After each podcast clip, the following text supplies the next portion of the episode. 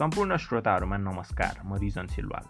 आज पनि विगतका दिनहरू जस्तै एउटा नयाँ पोडकास्ट लिएर उपस्थित भएको छु। आज एपिसोड थ्री रहेको छ। विगतका दिनहरूको भन्दा आजको कथा अलि भिन्न छ किनभने मैले आजको दिनमा विद्यार्थी जीवनको बारेमा एउटा कथा लेखेको छु र आशा छ सम्पूर्ण विद्यार्थी मित्रहरूले यस कथालाई आफ्नो जीवनसँग दाँजेर मनन गर्नुहुनेछ। अब समय खेर नपाली म कथातर्फ अगाडि बढ्न चाहेँ।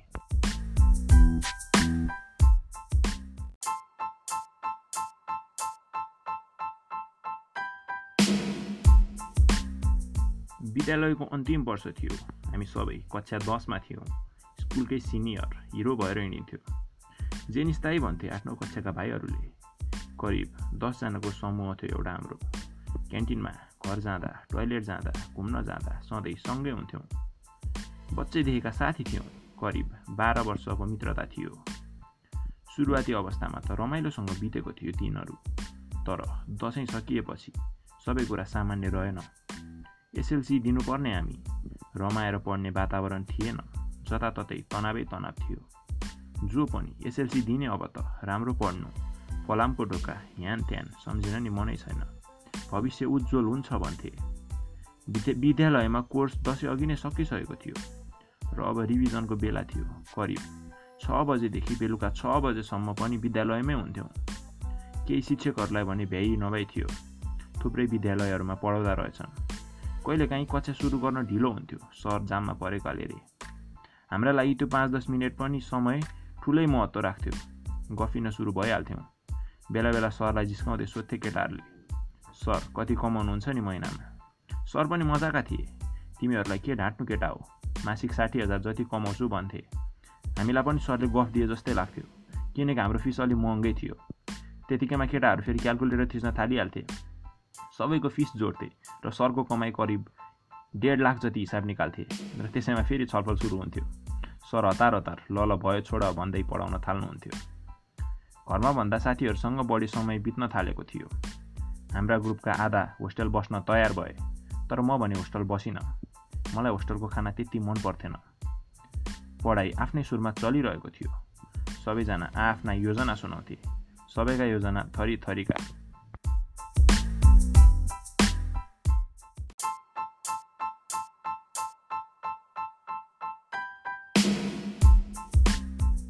प्रिय श्रोता तलका योजना सुन्नुभन्दा पहिले आफ्ना स्कुलका मित्रहरूलाई सम्झना आग्रह गर्न चाहन्छु। किनभने हामी सबैले यी योजनाहरू कसै न कसै कोही न कोही मुखबाट सुनेका छौँ।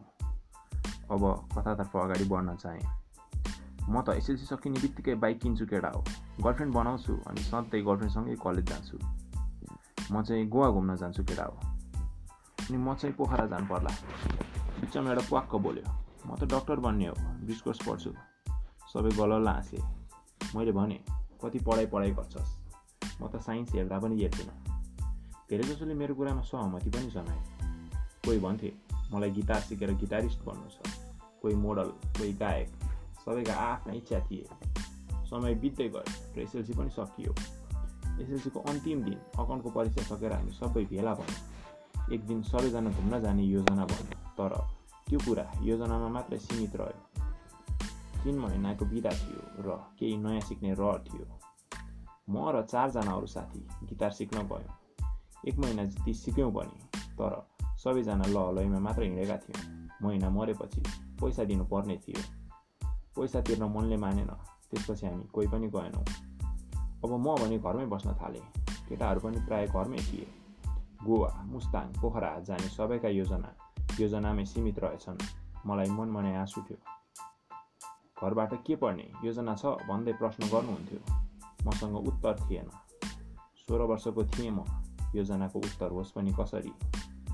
आमाले भन्नुभयो छिमेकी आन्टीको छोरा ब्रिज जाँदो रहेछ। तँ पनि जा के घर बस्छस्? मलाई साइन्सप्रति कुनै मोह त थिएन तर समय कटाउन गाह्रो थियो। त्यसैले मैले स्कुलमा ब्रिज कोर्स जान्छु भन्ने साथीलाई फोन गरेँ। सुरुमा त बिल्ला उडायो सायद स्कुलको बदला लिँदै थियो।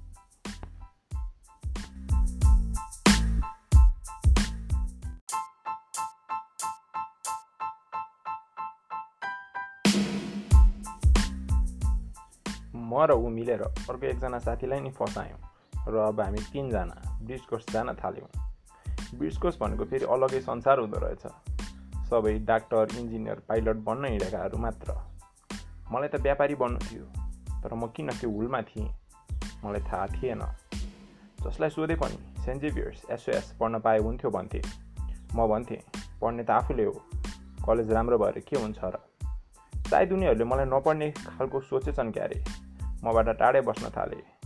तर स्कुलमा भने मेरो पढाइ राम्रै थियो। मलाई पनि साइन्स पढ्नु थिएन। बाले लागेन। टाढै बसुन् जस्तो लाग्यो। म ब्रिज कोर्स बास्केटबल खेल्न मात्र जान्थेँ। सुरुदेखि नै ब्रिज कोर्स जान्छु भन्ने साथी चाहिँ खुब मिहिनेत गरेर पढ्थ्यो। अब रिजल्ट आउने दिन नजिकै थियो। सबै बेलुका आउँछ अरे बेलुका आउँछ अरे भन्थे। म पनि अलिक नर्भस थिएँ। नभन्दै रिजल्ट आयो पनि। मेरो तिन पोइन्ट आठ जिपी आएछ। दाइले पर्सेन्टेजमा निकाल्दा त पन्चानब्बे प्रतिशत भयो अरे। घरमा त हिरो पो भइएछ सुरुदेखि ब्रिजको जाने साथीको भने तिन पोइन्ट जिरो मात्र आएछ। ऊ दिख दुखी थियो तर म भने खुसी थिएँ। सबैले बधाई दिए मक्ख भरे अब सुनाउन भए पनि लड्डु बोकेर जा छिमेकीकोमा भनेर आमाले सम्झाउनु भयो। म मक्ख भर्दै घर घर लड्डु बाँड्न थालेँ। सबैले अब त साइन्स पढ्ने होला नि। यस्तो राम्रो मान्छे यस्तो राम्रो पढ्दो रहेछौ भन्दै फुर्काए। मैले के पढ्ने भनेर सोचेकै थिइनँ मलाई अब दुविधा थियो। के पढ्ने होला? तिन पोइन्ट जिरो आउने साथीलाई फोन गरेर सोधेँ। उसले भन्दै थियो मार्क्स त राम्रो आएन यार म त म्यानेजमेन्टतिरै जान्छु। मलाई अचम्म लाग्यो र मैले सो कुरा दाईलाई सुनाएँ। दाईले यसलाई सहजै रूपमा लिएर ठिकै हो नसक्नेले नपढेकै राम्रो भन्नुभयो। म त खुब मक्ख थिएँ। मेरो त दिमाग धेरै छ जस्तो लाग्यो। सबैले सुझाए जस्तै मैले साइन्स पढ्न थालेँ। सबैले भन्थे साइन्समा ठुलो स्कोप छ जहाँ जान नि पाइन्छ। म मेरो भविष्यको बारेमा अन्यला थिएँ। त्यसैले सबैले भनेअनुसार नै दिमाग भएको मान्छे साइन्स नै पढियो। एउटा कलेजमा सजिलैसँग एडमिसन नै भयो। मैले बायोलोजी लिएर पढेँ।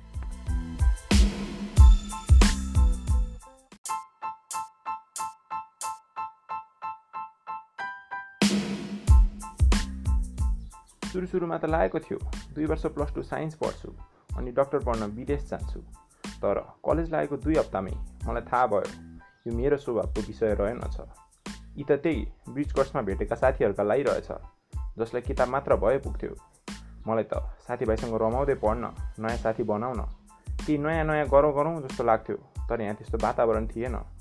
सबैजना किताबमै व्यस्त थिए फिजिक्स केमिस्ट्री बायोलोजीका मोटा मोटा किताबहरू। सबै ती किताब रट्नमै व्यस्त हुन्थे अनि कोही चाहिँ प्र्याक्टिकल फाइल सारेर भर्नमै व्यस्त थिए। करिब दुई महिनापछि त कलेज जान नि रहरै मऱ्यो। कलेज के गर्न जानु? पढाएको केही बुझिन्थेन। कलेजमा भन्दा बरु युट्युबमा पढेर बढी बुझ्थेँ म।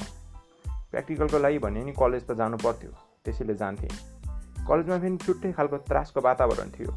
सरहरू भन्थे डाक्टर बन्ने तिमीहरू यति पढाइले पुग्दैन म छक्क पर्थेँ। यति पढेर नपुग्ने रे। मैले त बल्ल बुझ्दै थिएँ। अरूहरूको उक्सा हाटमा लागेर भविष्य चुन्न नहुने रहेछ। कलेजमा म एक्लो त्यस्तो थिइनँ। म जस्ता एसएलसीमा राम्रो गरेर पढ्न आउनेहरू थुप्रै थिए। फेल हुनु त सबैका लागि सामान्य थियो। पुरै कक्षामा सात आठजना मात्र पास हुन्थे। बाँकी सबै फेल। फेलै फेलवालाहरूको फेरि छुट्टै टोली नै भन्थ्यो। बिस्तारै हामी रमाउन थालेका थियौँ। तर खुसी धेरै दिन टिकेन। बोर्ड परीक्षा आइहाल्यो। म भने दुईवटामा फेल भएछु।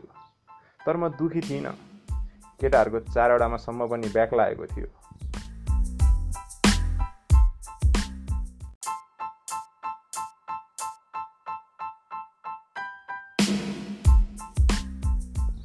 दिन गरेर चोरचार गरेर भए पनि रि एक्जाम चाहिँ कटाइयो। तर फेरि बाह्रको झन्झट छुट्टै थियो। स्कुलमा म राम्रो थिएँ पढाइमा। कहिले पनि फेल भएकै थिइनँ। तर एक्कासी नयाँ संसारमा आए जस्तो भइरहेको थियो। बाह्रमा पनि फेरि दुईवटा ब्याक लागिहाल्यो। फेरि रि एक्जामको झन्झट थियो मलाई। खुब मिहिनेत गरेर पढेँ तर पनि बाह्रको केमिस्ट्री भने कटेन मेरो। अब एक वर्ष फेरि कुर्नु थियो मेरो। स्कुलका साथीहरू सबै ब्याचलर्समा भर्ना भए तर आफू भने परीक्षा कुरिरहेको थिएँ। मलाई साह्रै दुःख लाग्यो। एक वर्ष घरमा बस्नु पर्दा त्यो एक वर्ष घरमा बस्दा चोकतिर घुम्न निस्कन्थेँ। पारी टोलतिरका केटाहरू पढाइ छाडेका। उनीहरूकै सङ्गतमा हिँड्न थाले। कुलतमा त फसिन तर उनीहरूले प्रयास भने खुब गरे। मेरै अगाडि चुरोट सल्काउँथे। लाला भन्थे यत्रो ठुलो भइस अझै खाँदैनस् बच्चै छस्। थुप्रै कुराहरूले उक्साउन खोज्थे। म उनीहरूको सङ्गत छोड्न चाहन्थेँ तर मेरो साथी अरू कोही थिएनन्। त्यसैले म उनीहरूको सङ्गत छोड्न सकिनँ। मलाई सधैँ हिँडेर नखाइकन बस्न पनि गाह्रै थियो। त्यसैले कहिलेकाहीँ भने म पनि खाइदिन्थेँ। करिब एक वर्ष बित्यो र मैले परीक्षा पनि कटाएँ।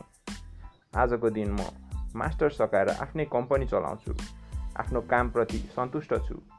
कमाइ धेरै त छैन तर पनि म आफ्नो काममा रमाउन सिकेको छु। जीवनमा स्वभाव अनुसारको काम रोज्नु पर्ने रहेछ खुसी आफै मिल्ने रहेछ।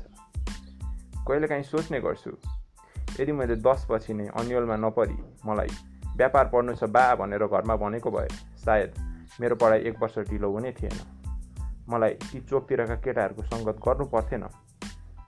म कुलतबाट जोगिँदै हिँड्नु पर्थेन। जीवनका ती तिन वर्षले मलाई थुप्रै कुरा सिकाए। कुलतमा कोही पनि आफ्नो इच्छाले नजाँदा रहेछन्। परिस्थिति र बाध्यताले लग्दो रहेछ। जीवनमा आफूलाई इच्छा भएको कुरा मात्र गर्नुपर्ने रहेछ। यदि मलाई त्यस दिन स्कोप छ दिमागवाला जस्ता पट्टी नपढाइएका भए मेरो एक वर्ष खेर जाने थिएन होला। र मैले ती तिन वर्षहरूमा धेरै नयाँ कुरा सिक्न सक्थेँ। समय बितेपछि पछुतोको अर्थ नहुँदो रहेछ। त्यस दिन यदि म जबरजस्ती साइन्स पढेर डाक्टर नै भएको भए पनि के आज जस्तो म सन्तुष्ट हुने थिएँ होला र उत्तर खोजिरहेछु।